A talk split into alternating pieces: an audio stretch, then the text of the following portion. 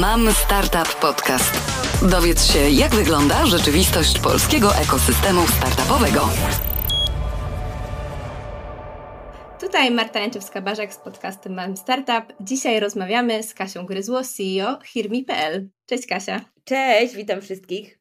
Mogłabyś na początek trochę opowiedzieć o sobie i skąd tak naprawdę wzięło się Hirmi? E, jasna sprawa. Ja mam background marketingowy i zaczęłam w ogóle w taką trochę, od takiej trochę ścieżki kreatywnej w marketingu, potem przeszłam na bardziej taką ścisłą, narzędziową, reklamową, optymalizującą te, te reklamy e-commerce'ową poprzez taką menadżerską, aż w pewnym momencie zobaczyłam e, reklamę, mi się wyświetliła na LinkedInie, że właśnie jeden z e, takich programów akceleracyjnych szuka CMO. Ja pomyślałam, dobra, to jest dobry czas, e, żeby, żeby spróbować swoich sił, no bo już byłam na takim etapie, że czułam, że te właśnie takie decyzje marketingowo-sprzedażowe, które gdzieś tam podejmowałam, miały wpływ trochę na rozwój biznesu i pomyślałam, dobra, to chyba jest czas, żebym rozwijała swój biznes. I gdybym wtedy wiedziała to, co dzisiaj wiem, pewnie zastanowiłabym się jeszcze dwa razy, ale już weszłam tę ścieżkę i wydaje mi się, że jak już raz na nią wejdziemy, to to, to trudno z niej, z niej zejść. Więc właśnie zaczynałam w, w marketingu, e, studiowałam, e, znaczy byłam tam jakąś tam klasę jedną liceum w Stanach, potem studiowałam w Wielkiej Brytanii, w Holandii, wróciłam wróciłam do Polski, no i z taką właśnie myślą, że, że tutaj będę się rozwijała zawodowo. No i tak właśnie tutaj już jestem. I od tego momentu zobaczenia e, tej reklamy programu akceleracyjnego e, spotkałam moich co-founderów Michała Puśnika i Pawła Pierścionka, założyliśmy Hirmi i od tej pory już e, działam w Hirmi na 8 etatów. A skąd się w ogóle wziął pomysł na Hirmi? Bo on z marketingiem za dużo nie ma wspólnego. Właśnie, to jest super, super ciekawe i dzięki bardzo za to, e, za to pytanie. No właśnie patrząc na, na CV moje, Michała i Pawła, to powinniśmy rozwijać jakiś martech. Ale, ale właśnie każdy z nas miał taką historię związaną ze zdrowiem psychicznym i właśnie jak z tym zdrowiem psychicznym powiązanym stricte z miejscem pracy i trochę wybraliśmy taki, taką drogę, taki projekt, który wynikał bardziej z naszego serca, pasji i jakby doświadczeń, które w naszym życiu prywatnym nas e, dotknęły. ale jak, jak to się w ogóle stało, że jak wpadliście na ten pomysł? Bo rozumiem, że spotkaliście się w tym programie akceleracyjnym. Tak, tak, tak. Spotkaliśmy się w takim właśnie programie akceleracyjnym tworzonym przez Demium. To taki, znaczy już w Polsce nie mają biur, ale mieli w różnych miastach w Europie właśnie takie biura i, i tam można było przyjść i znaleźć swoich kofanderów i wymyślić pomysł. Gdzieś tam zaczątki tego pomysłu już były w tym inkubatorze, ale one były takie bardzo wysokopoziomowe, a my chcieliśmy jakby ten temat zdrowia psychicznego przełożyć stricte właśnie do tego miejsca pracy, tak? I zaadresować ten problem właśnie, jak, jak to miejsce pracy wpływa na nasze zdrowie psychiczne i czy, no i czy jesteśmy w stanie o nie walczyć też w tym miejscu. Jak wasz w ogóle pierwotny zamysł i pomysł różnił się od tego, jak firmie wygląda teraz? To jest super pytanie i to jest chyba takie pytanie, na które pewnie powinien odpowiadać każdy w czasie podcastu, bo to pokazuje właśnie słuchaczom, że jakby zaczynasz z jednym pomysłem, a potem e, kończysz z czymś pewnie trochę innym, bo to jest ważne, żeby się nie przyzwyczajać do tej naszej pierwszej idei, tylko słuchać potrzeb naszych użytkowników, klientów, no i naszych najważniejszych inwestorów, czyli właśnie naszych klientów, tak? Czego potrzebują od naszego, od naszego produktu. I no i my zaczynali, znaczy, zaczynaliśmy z takim pomysłem B2B, potem próbowaliśmy trochę w B2C, wróciliśmy do tego B2B, ale to jak sobie wyobrażaliśmy, jak będzie wyglądał model biznesowy, pricing, czy tam model rozliczeń z naszymi klientami bardzo ewoluował. I, i pewnie na początku myśleliśmy, że, że klienci będą to troszkę traktowali jak taką jak taki abonament właśnie ubezpieczenia zdrowotnego czy kart sportowych, ale trochę jakby rzeczywistość i nasi klienci, zwłaszcza specjalisty, specjaliści, specjalistki HR, e, z którymi mamy bardzo bliską relację i są dla nas bardzo ważni, mieli trochę inne oczekiwania wobec stricte benefitu, który dotyka no tak naprawdę najważniejszego asetu firmy, czyli głów pracowników. A było coś takiego, co Was najbardziej zdziwiło, właśnie z tym zderzeniu, co Wy na początku myśleliście, co chcieliście na początku zrobić, a ten moment, kiedy już to zderzyliście z pierwszymi klientami?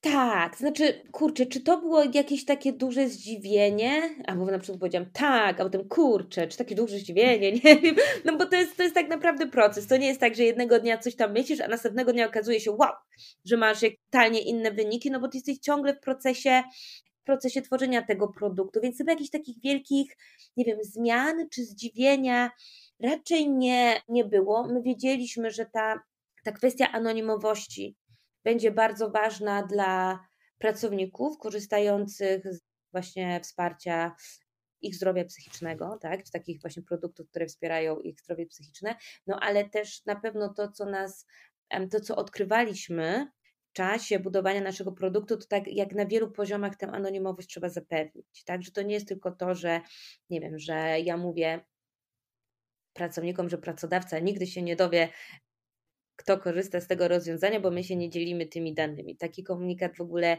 nie wystarcza. Tak trzeba przemyśleć każdą, każdy punkt tej właśnie ścieżki naszego użytkownika i, i zaprojektować go tak, żeby użytkownik od pierwszej sekundy, kiedy spotyka się z naszym, z naszym produktem czy kimkolwiek zmianką o nas, miał taką, taką pewność, że my dbamy o jego bezpieczeństwo i anonimowość. I, i to jest pewnie taki mm, tak, taki proces, który, który jest taką bardzo ekscytującą częścią tej, tej drogi budowania startupu i, i, i produktów, i, i projektów tego typu, że wraz właśnie z rozwojem tego, e, tego pomysłu uczymy się, bo co jest ważne, i to jest taka ostatnia rzecz, którą jeszcze chciałabym w tym temacie zaznaczyć, często jak startujemy z naszym projektem startupowym, to to jest rozwiązanie, które albo jest bardzo nowe na rynku, albo było na rynkach zagranicznych i my je teraz wprowadzamy na rynek polski, albo w ogóle wcześniej nie było takiego rozwiązania, tak? Więc to jest z jednej strony bardzo ekscytujące, bo możemy coś tworzyć na nowo e, i, i budować jakby nowe, nowe produkty bazujące na odważnych pomysłach. Natomiast to, o czym też musimy pamiętać, to ten element edukacji, tak? I jakby takiego bardzo wnikli, wnikliwego badania zachowań naszych użytkowników, czy bardziej ich oczekiwań, a może tak, ich oczekiwań wobec tego produktu, z którego wcześniej prawdopodobnie nie korzystali.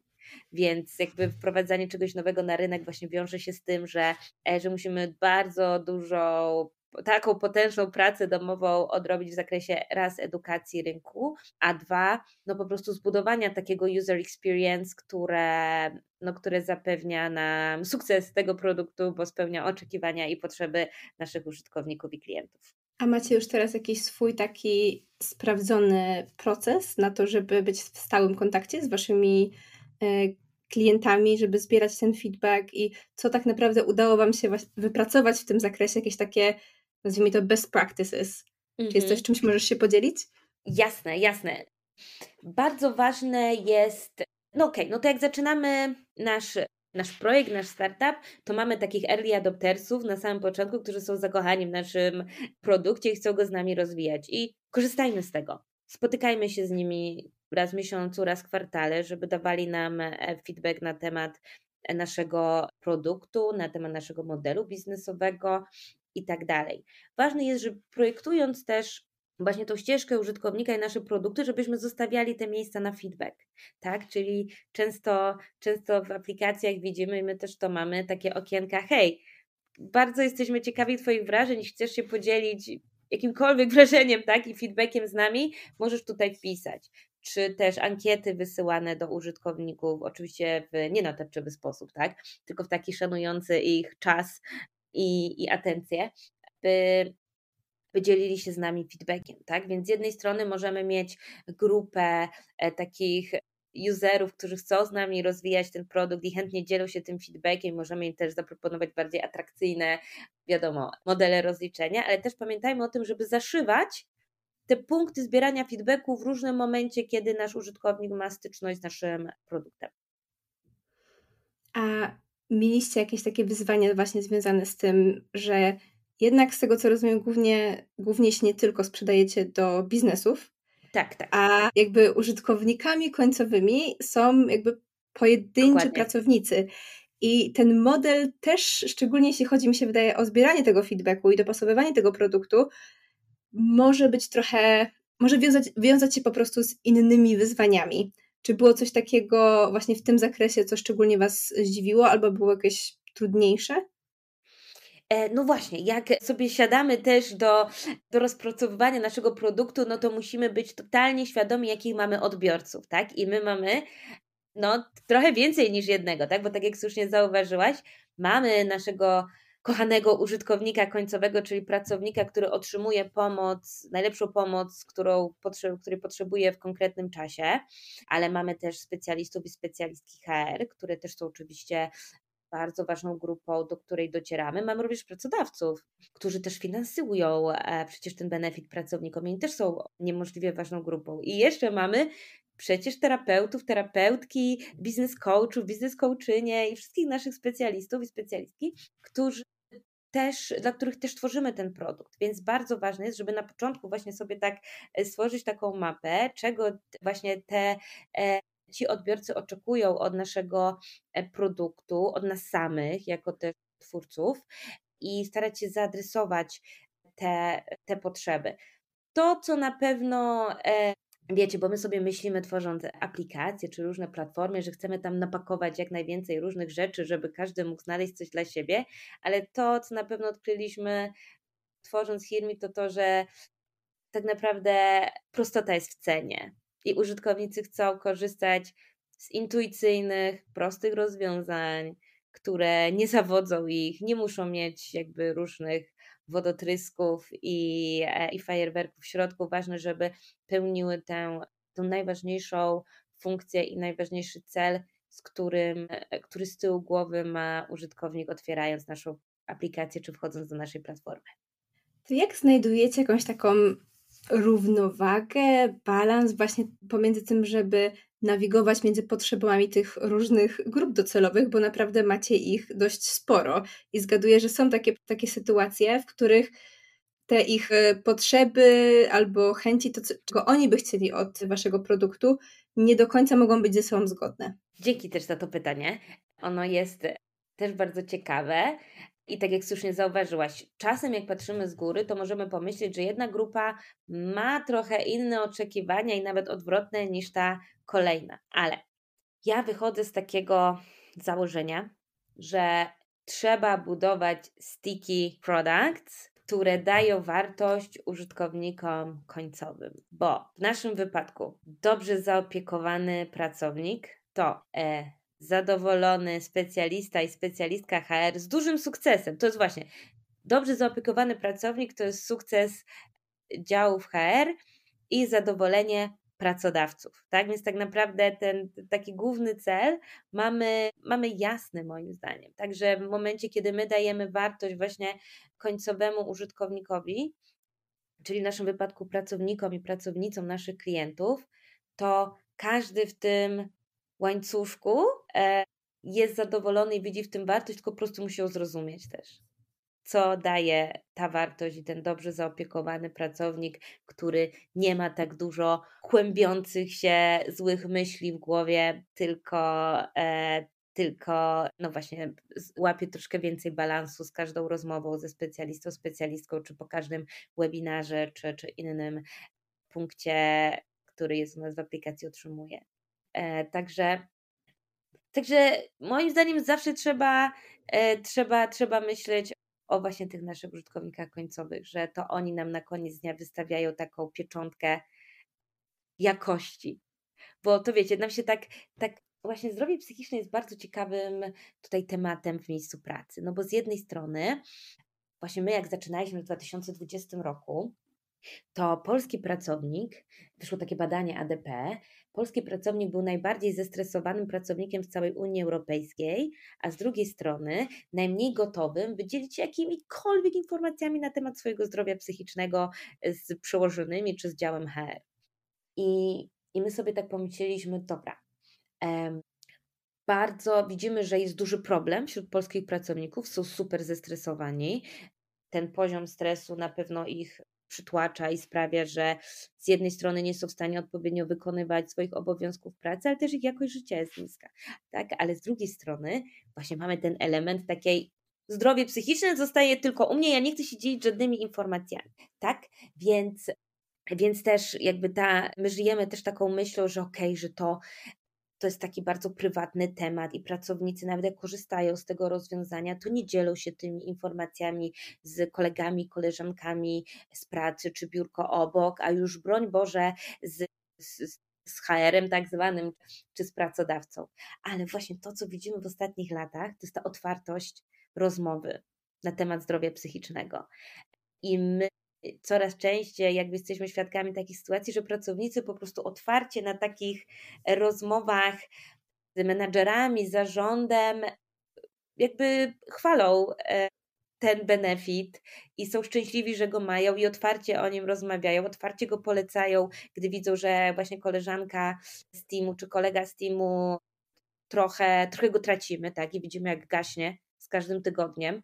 I, I wiecie, nam się tak właśnie wydaje, że to jest taki zamknięty temat i, i pracownicy rzadko o tym rozmawiają, ale rozmawiają. I jeśli my robimy coś dobrego i mamy fajny produkt, to ta dobra e, nowina się po prostu rozniesie.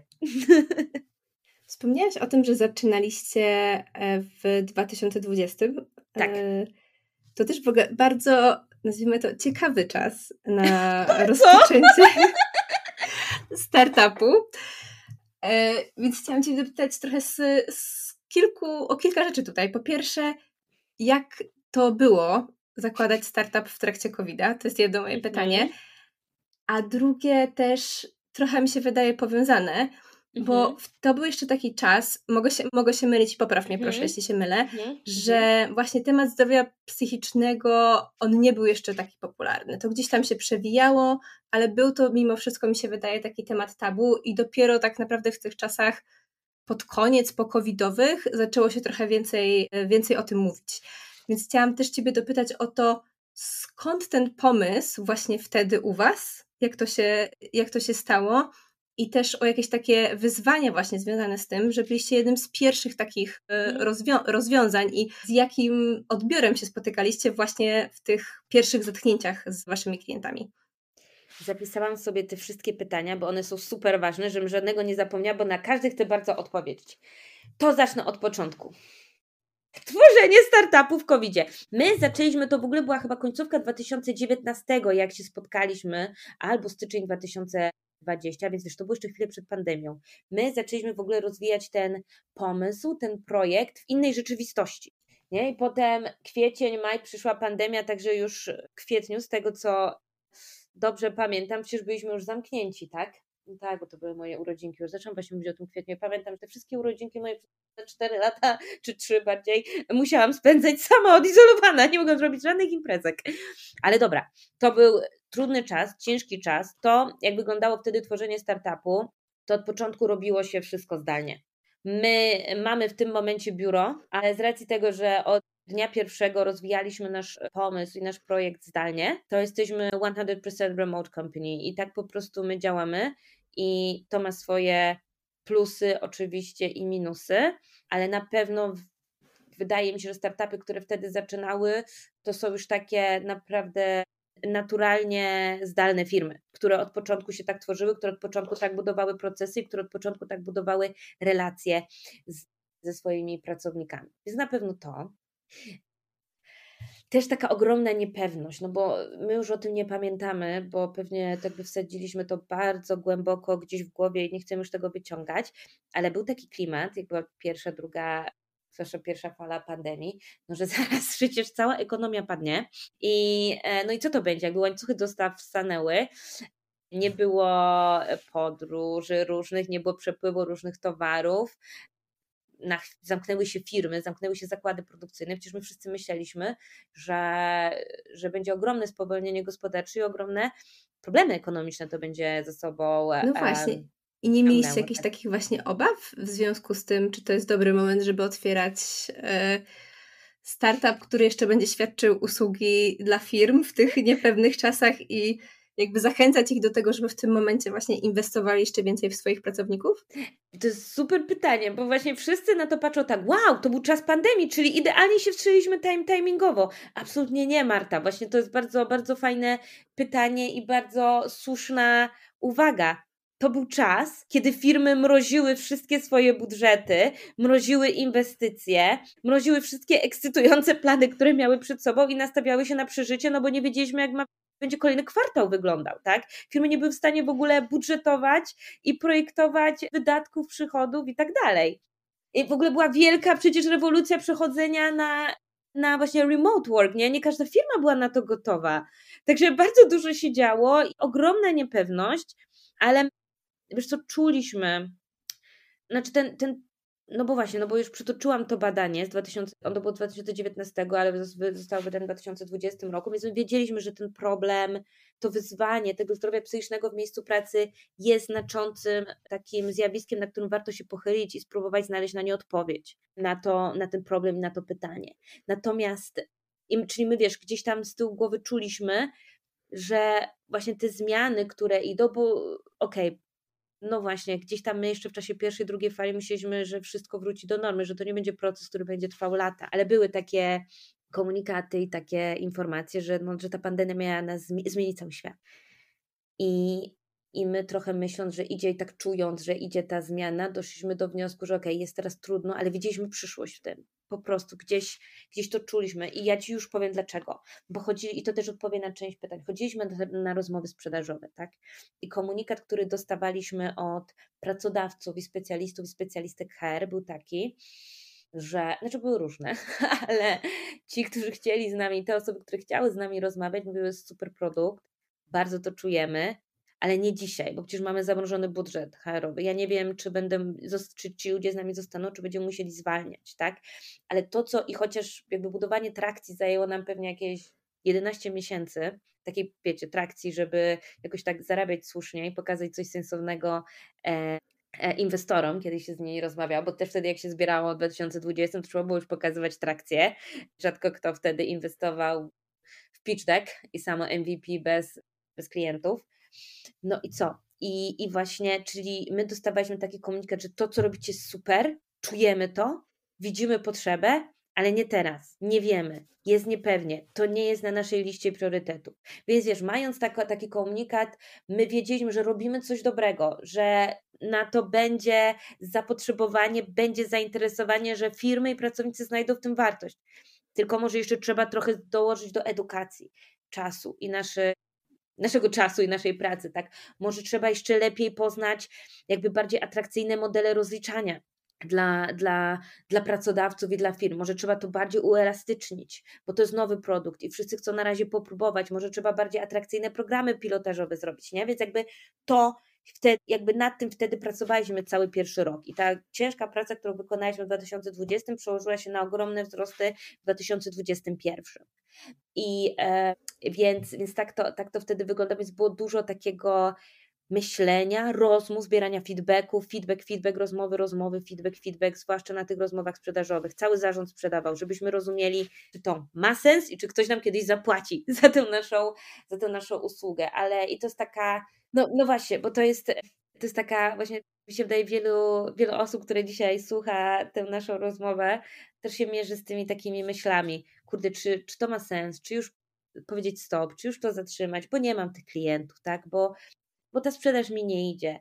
I natomiast jeśli my dostajemy taki feedback, że to jest fajne, co robimy i że będzie potrzeba, ale może to jeszcze nie jest ten czas, to może trzeba jeszcze chwilę zaczekać i dać sobie szansę i, i spróbować z jednym, drugim, trzecim, z dziesięcioma pierwszymi, klient, pierwszymi klientami, żeby zobaczyć, po prostu sprawdza im się ten, ten produkt. Ale jeszcze i kończąc ten mój super długi, e, długi wywód, wtedy na początku pandemii zaczęto w ogóle rozmawiać o zdrowiu psychicznym. Więc my jakby mieliśmy ten, ten zaszczyt współtworzyć tę narrację i konwersację i wypowiadać się i dokładać naszą cegiełkę.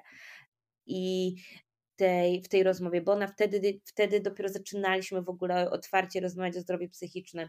I gdybyśmy, i gdyby te rozmowy nie, nie działały w przyspieszeniu raz 800, to pewnie nie byłybyśmy dzisiaj tutaj i nie rozmawiałybyśmy o Hirmi, bo jasne, to był początek, kiedy zaczęto dopiero rozmawiać, ale tak szybko nachodziła zmiana, że my, że jakby te rozmowy wyglądały inaczej y, kwartał do kwartału.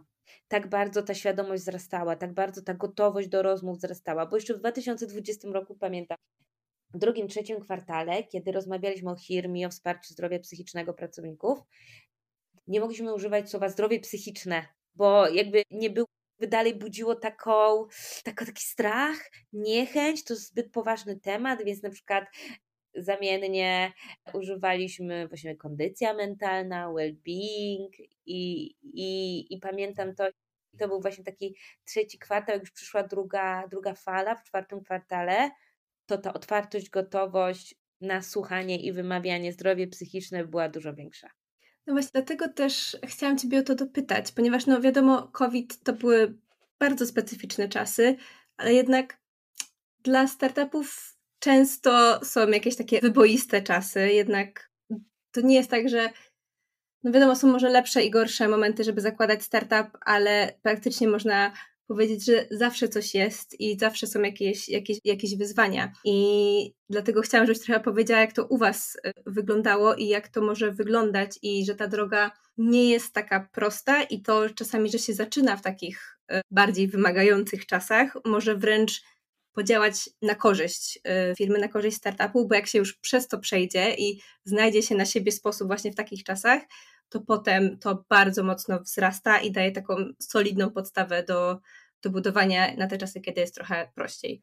Tak, ja się totalnie z tym zgadzam, no bo wiesz, jak ja tak sobie, okej, okay, jak sobie tak nasz słuchacz i słuchaczka przyśledzą też jakby co się działo w konkretnych latach od 2020 roku, to jakby my nie znamy innego trybu jak kryzys, tak? Bo tak, najpierw COVID, potem izolacja, następnie wojna w Ukrainie, Potem teraz mamy, znaczy od tamtego roku spowolnienie gospodarcze, rosnącą inflację, duże zwolnienia wśród firm technologicznych, ale też nie tylko technologicznych, prawda? I, i po prostu ja mam takie wrażenie, że dobra, no to ten jeden, drugi, trzeci, czwarty kryzys przechodzimy i czekamy na kolejny. I to nie jest zdrowe podejście absolutnie, tylko, tylko rzeczywiście jest tak, że jak zaczynasz w trudnych czasach, to już budujesz po prostu taką spółkę, firmę, organizację, która ma tę rezyliencję wpisaną w swoje DNA. Nie? No bo jak my kurczę, zakładaliśmy firmę i nie mogliśmy jej nawet zarejestrować offline'owo, bo przecież no nie można było za bardzo jakby jechać do urzędu i wszystko trzeba było robić online. Dzięki Bogu, że z 24 działało i można było te spółki zakładać online, ale jak w ogóle wtedy działały te portale, tak? To się wszystko zacinało, znikały batony między jednym krokiem a drugim. Pamiętam, żeśmy rejestrowali tę spółkę, byliśmy na kolu i, e, i, i gdzieś tam znikał nam baton, żeby jakby zakończyć tę całą rejestrację. Dlatego no jeśli już jakby działasz w takim trybie myślenia, ok, mamy jedno wyzwanie, drugie wyzwanie, trzecie wyzwanie i starasz się do tego podchodzić w taki, kurczę, ja nie chcę powiedzieć zdrowy sposób, bo to jest mega męczące, to jest super trudne i, i jakby nie można sobie nigdy wyrzucać, że się tego nie wytrzymało, bo to jest niemożliwie obciążające w ogóle budowanie startupu nawet w takich, nie wiem, łatwiejszych czasach. I, i no, ale, na, ale jeśli właśnie podchodzisz do tych trudności w taki sposób, powiedzmy, który potem da ci dobre owoce, czyli myślisz, okej, okay, dobra, to jest jakaś trudność, jak ją pewnie popełnię jakiś błąd, próbując rozwiązać ten problem, ale się czegoś nauczę. Jak sobie nie wyżygujemy tego, że popełniamy błędy, tylko się na nich uczymy i że porażka, jak to było w już kultowym filmie, poranek koeta chyba, jest nawozem sukcesu. tak, taki trochę toxic sposób, ale że ta porażka naprawdę ona nie jest niczym definiującym, nie niczym definitywnym, jest po prostu kolejnym tam krokiem w tej całej układance czy historii, którą muszę, muszę przejść. Jak podchodzimy w taki sposób, no to łatwiej stawiać czoła i po prostu już każdy kolejne, każde kolejne wyzwanie jest łatwiejsze, bo my mamy już ten zbiór narzędzi, tak? Bo go zaczęliśmy budować i kolekcjonować te narzędzia od dnia pierwszego budowania tego produktu czy projektu, kiedy zaczynamy w tych trochę trudniejszych czasach. I potem te narzędzia, jak my od początku zbieramy, jak taki właśnie, jak taka postać w grze, y, to, to potem nam łatwiej te trudniejsze e, te trudniejsze, tym trudniejszym problemom sprostać. Nie dlatego, że jakby mamy jakąś większą wiedzę albo mamy więcej pieniędzy, tylko tylko dlatego, że jakby mentalnie mamy pewne frameworki, które możemy teraz zaaplikować, żeby sobie lepiej poradzić z tymi problemami. Więc tak to, no tak, więc, więc mi się wydaje, to jest na pewno duży, duży plus. No bo na koniec dnia w biznesie to tak, można mieć lepszy pomysł, gorszy, ale ten, ten projekt i tak spiwotuje w pewnym momencie. Można mieć lepszy team lub gorszy, team jest super ważny, ale bardzo prawdopodobne, że gdzieś tam się z kimś pożegnamy po drodze w czasie w momencie tego, tego budowania tego teamu i naszego zespołu.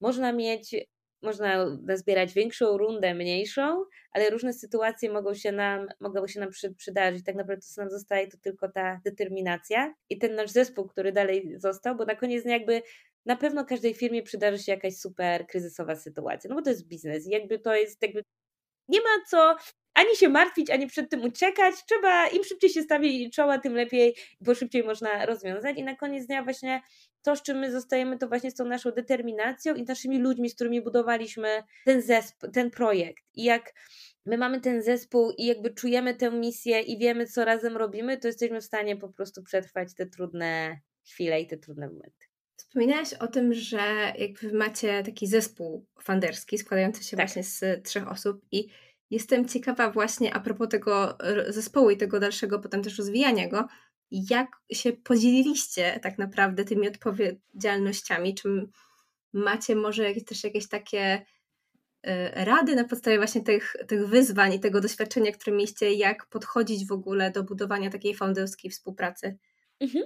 Więc tak, zaczynaliśmy we trójkę, znaczy z, naszego, z naszej pierwszej trójki founderskiego zespołu została nas już w tym momencie dwójka, ale jakby tutaj pożegnanie nastąpiło w totalnie przyjacielskich warunkach i z absolutnym zrozumieniem.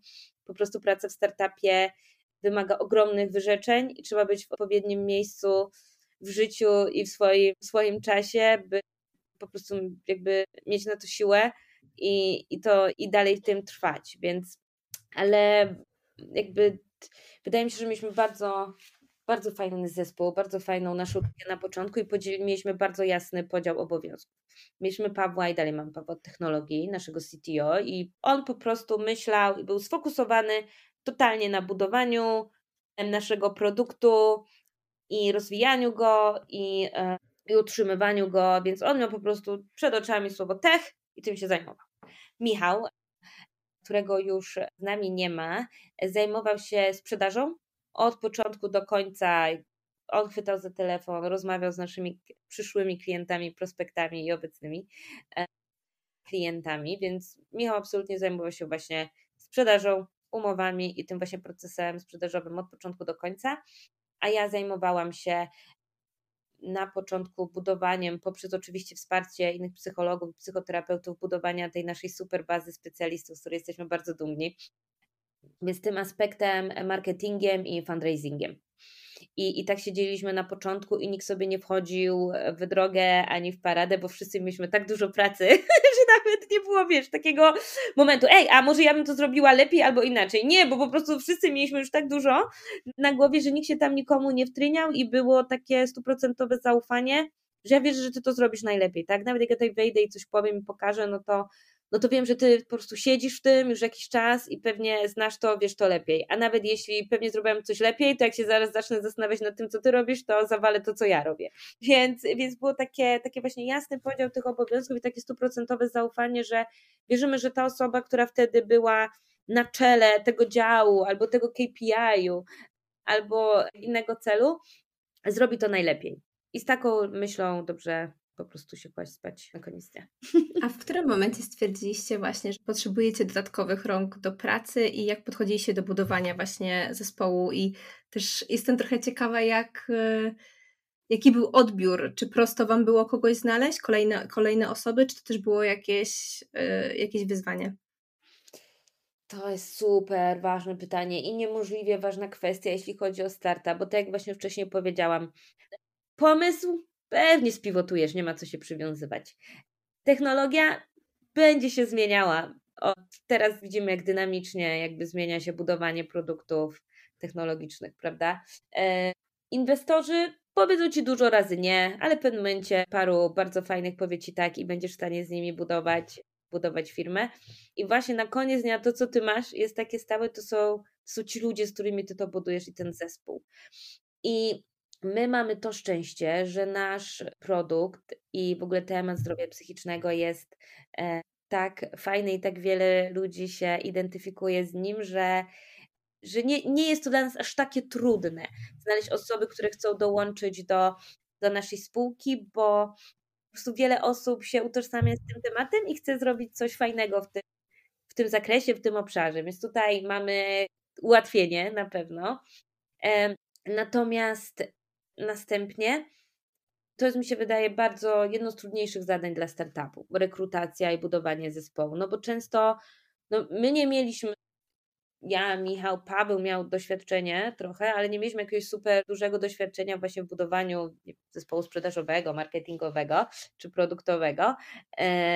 I, i, musieliśmy się uczyć na, na własnych błędach. I po prostu polecam w ogóle wszystkim, którzy znajdują się nad budową startupu, po prostu sobie przed sobą zaakceptować to, że się uczymy na błędach i tyle, bo możemy przeczytać wszystkie książki, znać wszystkie procesy najlepiej, a i tak popełnimy jakieś błędy, więc więc dobrze być na nie gotowym. Natomiast my korzystaliśmy po prostu ze wsparcia i know-how naszych inwestorów wtedy. Oni nam też doradzali, jak prowadzić te procesy rekrutacyjne, na co zwracać uwagę, kiedy zatrudniamy dyrektora sprzedaży, a na co zwracać uwagę, kiedy szukamy kogoś do produktu, tak? I, i jeśli, a jeśli nie mamy jeszcze inwestorów, ale mamy mentorów, którzy nas wspierają, to warto z tej to warto z tej pomocy i tego wsparcia skorzystać właśnie w tym, w tym zakresie, bo zatrudnienie osoby, która, z którą będziemy musieli się pożegnać, jest super kosztowne. I na to, na to warto tak patrzeć. Ja wiem, że mówimy o ludziach i ludzie są bardzo ważni, ale jakby te chybione decyzje rekrutacyjne i personalne e, są bardzo kosztowne. Nawet nie chodzi tutaj o, o te wiem, przelewy za wynagrodzenia, które wykonujemy, ale ten czas, ten czas, który my inwestujemy w, w czytanie CV, w rozmowy rekrutacyjne, potem w rozmowy z zespołem internalowe, dobra, czy ta osoba, czy ta i ta, potem onboarding ten, tej osoby i to są te rzeczy, które które bardzo dużo wymagają od spółki, zwłaszcza mniejszej, tak? kiedy zaczynamy, kiedy nie mamy 20 osób na pokładzie, tylko 3, tak jak my mieliśmy. Tak? I trzeba znaleźć odpowiednią osobę i, i i ją zonboardować, pokazać, jak działają nasze procesy, też jest taka kwestia, którą trzeba mieć z tyłu głowy.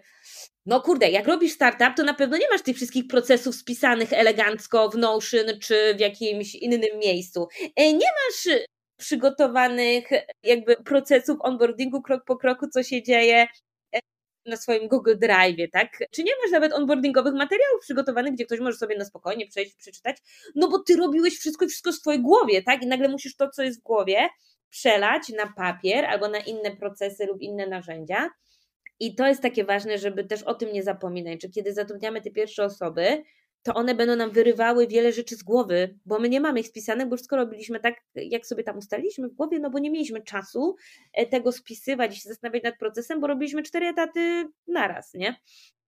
I to trzeba mieć też z tyłu głowy i to jest takie super ważne, żebyśmy zwracali uwagę na to, że te pierwsze osoby, które dołączają, żeby miały ten taki pierwiastek trochę, który my mamy, taki founderski, czyli chęci zaangażowania się, e, takiego ownershipu, ale też bycia resourcefulness, tak? bo nie mamy nieskończonego kapitału, zwłaszcza na początku.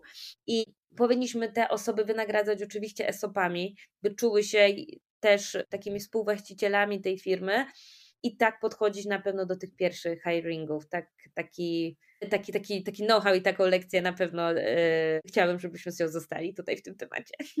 No właśnie, bo jedno to jest znaleźć pracownika, a zupełnie co innego mimo wszystko, chociaż pokrewnego, to jest znaleźć odpowiedniego pracownika. Dokładnie. I w startupie szczególnie mi się wydaje na tym pierwszym etapie, kiedy ma się tylko ten zespół funderski i właśnie robi się wszystko i za wszystko jest się odpowiedzialnym. Jeszcze mi się wydaje, dochodzi ta kwestia takiego oddania pewnej odpowiedzialności komuś nowemu. To dochodzi do tego, do tego zespołu, więc też trzeba mieć do tej osoby zaufanie, więc wyobrażam sobie, że te pierwsze rekrutacje są bardzo trudne i pełne, pełne wyzwań. Czy jakby mm, czy te pierwsze rekrutacje w Waszym przypadku były sukcesem? Czy mieliście jakieś tutaj e, pewne wyboje na drodze?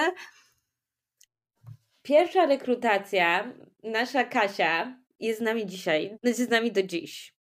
Więc ta pierwsza była na pewno, e, na pewno trafiona i Kasia super się z nami, e, się z nami scaliła i, i była, i była, jest nadal wspaniałą częścią Hirmi budowania naszego, e, naszego zespołu i tej wartości z klientami.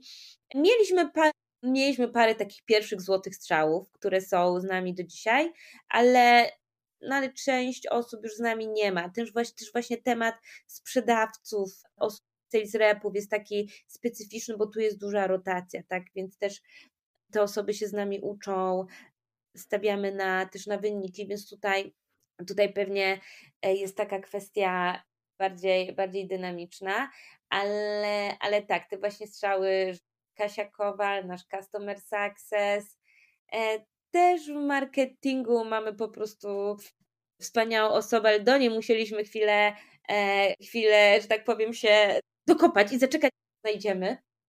I e, także tak, także mieliśmy parę takich pierwszych złotych strzał, które są z nami do dziś, ale tak jak właśnie wspomniałam, popełniliśmy na pewno parę błędów, na których się nauczyliśmy wiele i teraz te, te rekrutacje na pewno no, bywają się z takim większym sukcesem dla firmy właśnie pod kątem tej e, tej celności wybierania, wybierania osób, bo po prostu nauczyliśmy się też, każda, każda firma jest inna, nie ma złotej zasady. To jest też tak, że przeczytamy jakieś książki, poznamy procesy myślimy, dobra, tu muszę zadać te konkretne pytania.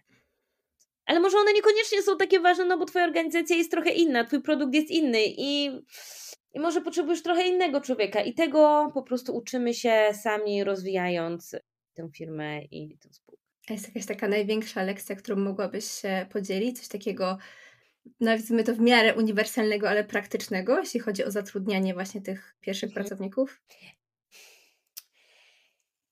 Popełniamy taki błąd często, gdy jesteśmy, gdy jest nas niedużo i zaczynamy rekrutować, że zatrudniamy osoby podobne do siebie, bo to jest naturalne.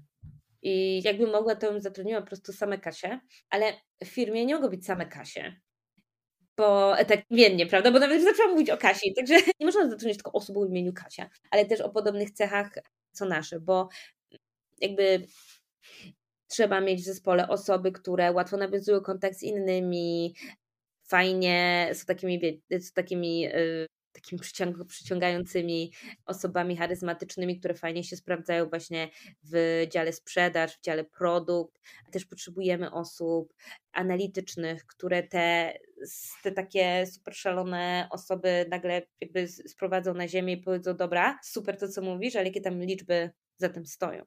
I, i można się też nauczyć jakby, że ożenić u siebie, znaczy te dwie części u siebie, tę analityczną i bardziej kreatywną, by obie występowały i to jest i tak naprawdę jakby totalnie każdemu polecam, by gdzieś tam w swoim zakresie rozwijać te dwie, te dwie części. Ale pamiętajmy, że nie możemy do firm zatrudniać siebie, bo potrzebujemy różnych osobowości i różnych talentów. I nawet jak nas coś by wkurzało, na przykład w tej osobie, bo zbyt, zbyt jakby za dużo czasu, nie wiem, przeznacza na, znaczy zbyt, zbyt dużo ma atencję do detali, no to w którymś momencie, w którymś dziale w tej filmie potrzebujesz takiej osoby. Więc musimy sobie zawsze tak być świadomi tego, tego filtru, który sobie nakładamy. Nie bójmy się dawać, zadawać pytań takich stricte związanych z procesem i z zadaniami, które są związane z wykonywaną funkcją, na którą my e, próbujemy kogoś znaleźć i rekrutujemy, tak? Więc jeśli szukamy kogoś z doświadczeniem, to zadawajmy, nie musimy dawać prac domowych, na których ktoś spędzi bardzo dużo czasu, bo, bo to nie, nie o to chodzi, ale jakieś takie właśnie proste pytania związane właśnie z procesem, czy z funkcją, czy zadaniami, które ta osoba będzie pełniła, to, to jak najbardziej warto. Mój e, nasz, nasz dyrektor sprzedaży na Global Employment Lee często zadaje takie pytanie, mi się wydaje takie fajne jest. Co byś zrobił w pierwszym. Znaczy, okay, wyobraź sobie, że cię dzisiaj zatrudniamy i co robisz w pierwszym miesiącu naszej tutaj współpracy, tak? I jak ta osoba zaczyna odpowiadać na te pytania w taki sposób, że spróbuje. Znaczy właśnie, my już wiemy, jak chcemy, żeby ta osoba odpowiedziała, tak? Więc to jest takie fajne, pomocnicze pytanie, które bardzo polecam e, zadawać, bo to pokazuje właśnie, jak ta osoba pracuje, co jest dla niej ważne. I jeśli ona nam powie, próbuje zrozumieć, co każdy dział robi, to jest za co odpowiedzialny. Próbuje zrozumieć jak najbardziej produkt, próbuje znaleźć w nim dziury, próbuje zadawać bardzo trudne, ale czasem głupie pytania, żeby, do, żeby dokładnie zrozumieć mój produkt, procesy i ludzi, którym się zajmują, to wtedy wiemy, że ta osoba, to już wtedy wiemy, że ta osoba jakby będzie przykładała ogromną wagę do tego, by zrozumieć to, co robi. A jak nie rozumiemy tego, co mamy robić i co, nie wiem, sprzedajemy czy tworzymy, to trudno nam się odnaleźć w jakiejkolwiek funkcji. A masz coś takiego swojego ulubionego, na co ty szczególnie patrzysz, czego szukasz w kandydatach? Jak ktoś do Was dochodzi, hmm. może szczególnie właśnie do, do Twojego działu? Tak, właśnie powiedziałam, że już cały czas muszę sobie zakładać ten filtr. Ja nie mogę po prostu zatrudniać takich osób jak ja, bo z, z taką osobowością, bo potrzebujemy bardziej zrównoważonego zespołu e, osobowościowo i emocjonalnie. Ale to, co lubię i to, co moim zdaniem, nieważne jaka jest osobowość tej osoby, fajnie, kiedy ma te cechy, to jest właśnie ownership. To jest, czyli takie właśnie czucie, takie poczucie, że to, co robię, jest moje i że identyfikuję się trochę z tą robotą, wiadomo, w super zdrowy sposób. Nie chodzi o to, żeby pracować w soboty i w niedzielę, bo, bo wbrew pozorom z takiego pracownika pożytku nie ma, bo on nam się szybko wypali i, i absolutnie nie można wspierać takiego, nie wspierać. Trzeba zwracać uwagę pracownikom, gdy widzimy, że zaczynają ten balans tracić i bo, bo po prostu stracimy takiego pracownika prędzej czy później. Więc to właśnie taki ten, to poczucie tego ownershipu, tego, że ten proces, czy ten dział, co mam, to to jest moje.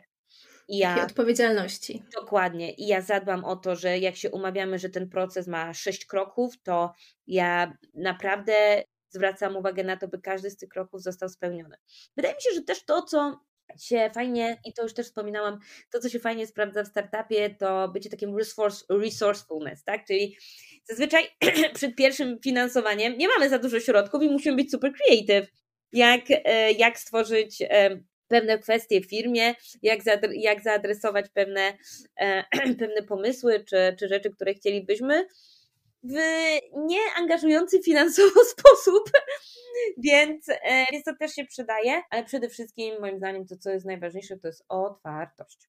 Otwartość na ludzi, otwartość na pomysły, otwartość na to, że się mogę mylić, otwartość na to, że jak rzucę jakiś pomysł, to ten pomysł, on nie jest mną, tylko z jakimś pomysłem rzuconym betem i on może być dobry albo zły.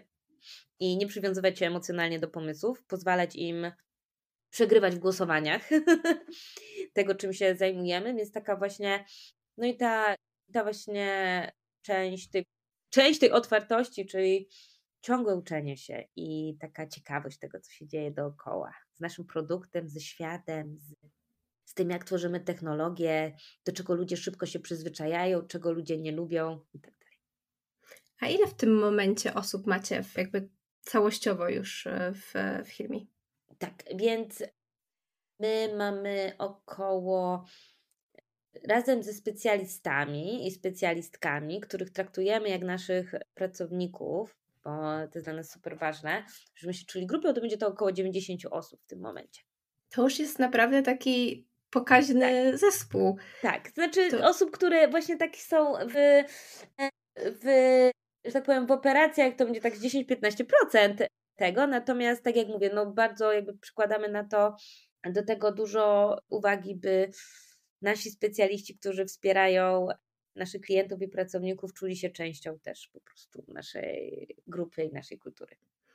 Rozmawialiśmy tutaj głównie a propos właśnie zatrudniania tych pierwszych pracowników, a jestem też ciekawa już jak to jest, jak to ewoluuje z czasem też to podejście do szukania kolejnych osób, do rozwijania zespołu, do właśnie do też jakiegoś oddawania właśnie tej odpowiedzialności za kolejne obszary, poszczególne zespoły.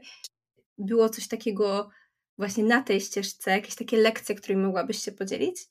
Takiej książce, którą na pewno część słuchaczy z nas przeczytała i kto jakby tam zastanawia się nad budowaniem własnego startupu, to czyta, czyli Hard Things About Hard Things About Hard Things? Tak. Chyba tak. Boże, ten, ten tytuł też nie jest jakiś taki najbardziej intuicyjny. Napisano przez Chorowica. Jest, jest napisane, by inwestować dużo czasu w onboarding tego pracownika i w postawieniu mu jasnych celów i takich oczekiwań, które mam wobec niego. Bo potem, bo to jest tak, że ta inwestycja się potem zwraca trzy-czterokrotnie. Jeśli my nie zonboardujemy naszego pracownika w odpowiedni sposób. I to jest właśnie jak mamy też większą grupę, tak? Więc jak mamy już więcej pracowników, to powinniśmy mieć te procesy spisane po kolei, co się dzieje, kiedy pracownik do nas dołącza, tak? I mamy też jakby plan na to, jak, jak, jak dać mu jak najwięcej wiedzy na temat naszych procesów i naszego produktu. Więc, więc to jest bardzo, bardzo ważne, bo im więcej czasu my poświęcimy naszemu nowemu pracownikowi, szybciej się to zwróci, tak? Bo potem przez pewną niewiedzę, niepewność, niedopowiedzenia tracimy dużo czasu i, i dużo, no właśnie, a czas się przekłada na pieniądze, tak? Więc to też jest znowu, się przekłada na, na pieniądze. Więc to jest taka, taka jedna ważna rada, która wydaje mi się, trzeba o niej, o niej pamiętać i z pracownikami, kiedy mamy już większy zespół, nasi menadżerowie i liderzy z każdą osobą ze swojego zespołu, z każdą osobą ze swojego zespołu raz na tydzień, raz na dwa tygodnie, w zależności jak jest intensywnie, w zależności ile mamy osób, mieć one-to-one. One-to-one to jest, o jest takie brzydkie powiedzenie, obowiązek, ale to jest, to, to jest, to jest obowiązek lidera i menadżera. Jeśli chcemy budować dobrze działające zespoły, mieć dobrze zaopiekowanych pracowników, którzy wiedzą, co robią i po co to robią, to jest super ważne, żeby też wiedzieli, po co to robią, to, to powinniśmy mieć taki czas z nim indywidualnie. I to jest to takie dwie rzeczy, które bardzo polecam, jak już mamy, wiecie, ten większy zespół i trzeba tym wtedy my naszym menadżerom, liderom, headom przekazujemy, przekazujemy naszą wiedzę i dobre praktyki. Ale to się też bierze od nas, tak? Jeśli ja mam one-to-one z każdym headem i liderem z mojego działu, no to, no to wtedy ci moi ludzie wiedzą, że muszą mieć one ze swoimi ludźmi. To jest taka trochę niepisana zasada, ale dobrze te najważniejsze zasady zawsze zapisać i się z ludźmi nimi jasno dzielić i jasno stawiać te oczekiwania, ale to trzeba pamiętać o tym, że jeśli mówimy w ogóle o rekrutacji, o budowaniu zespołu, cokolwiek my robimy, to jest tak jak no nie chcę mówić, bo to jest taka trochę chore porównanie, że jak firma to nasze dziecko, pracownica, my jesteśmy rodzicem i tak dalej, ale to jest tak trochę jak z rodzicem i, i z dzieckiem, że ci pracownicy po prostu widzą, jak my podchodzimy do pewnych kwestii, jak się zachowujemy i powielają te, te zachowania. Tak więc jeśli my inwestujemy czas w naszych pracowników i w ich rozwój i nasz czas, tak, bo to jest tak naprawdę naj, najcenniejsza rzecz w tym momencie, to oni to docenią i potem będą te dobre praktyki powielali dalej ze swoimi ludźmi. Wspomniałaś wcześniej, że w tych pierwszych rekrutacjach e, radziliście się trochę waszych e, inwestorów o to, mhm. kogo oni polecają, jakie mają dobre praktyki. I właśnie o tych inwestorów jeszcze się ciebie chciałam dopytać. Mhm. Jak e, wasza ścieżka w ogóle szukania inwestora wyglądała? Czy łatwo wam było znaleźć takiego inwestora? I co Wam się tak naprawdę sprawdziło, żeby znaleźć odpowiedniego inwestora, bo jedno to jest znaleźć inwestora, a drugiego to, druga kwestia to właśnie też znaleźć takiego, który przyniesie jak największą wartość, taką, która dla Was jest ważna. No to jest pytanie za milion dolarów. Inwestorzy i inwestycje. No jak ja pitchowałam w 2020 roku i teraz pitchuję w 2024, to są dwa różne światy pitchowania. I ten świat, w którym się teraz pitchuje jest lepszy, więc jest, jest, jest na pewno dużo lepiej trochę już o tym wspominałam, tak, że jak się wtedy zbierało, to trzeba było mieć trakcję, płacących klientów, działający produkt, wszystko najlepiej wtedy inwestorzy wchodzili takie, już do takiego pewnego produktu. Więc nam się udało tę, tę trakcję zbudować, pozyskaliśmy fajnych inwestorów z Hiszpanii, jak i również z Polski w ramach właśnie rozwoju naszego, naszego produktu i budowania trakcji, która i też fajnego wzrostu, który pokazywaliśmy po prostu kwartał do kwartału, rok do roku. Natomiast to, na co warto zwracać uwagę, o czym zapominamy, i to się już zmienia, i to jest bardzo fajne, to, to jest tak, że to jest, pamiętajmy, taka powinna być partnerska relacja.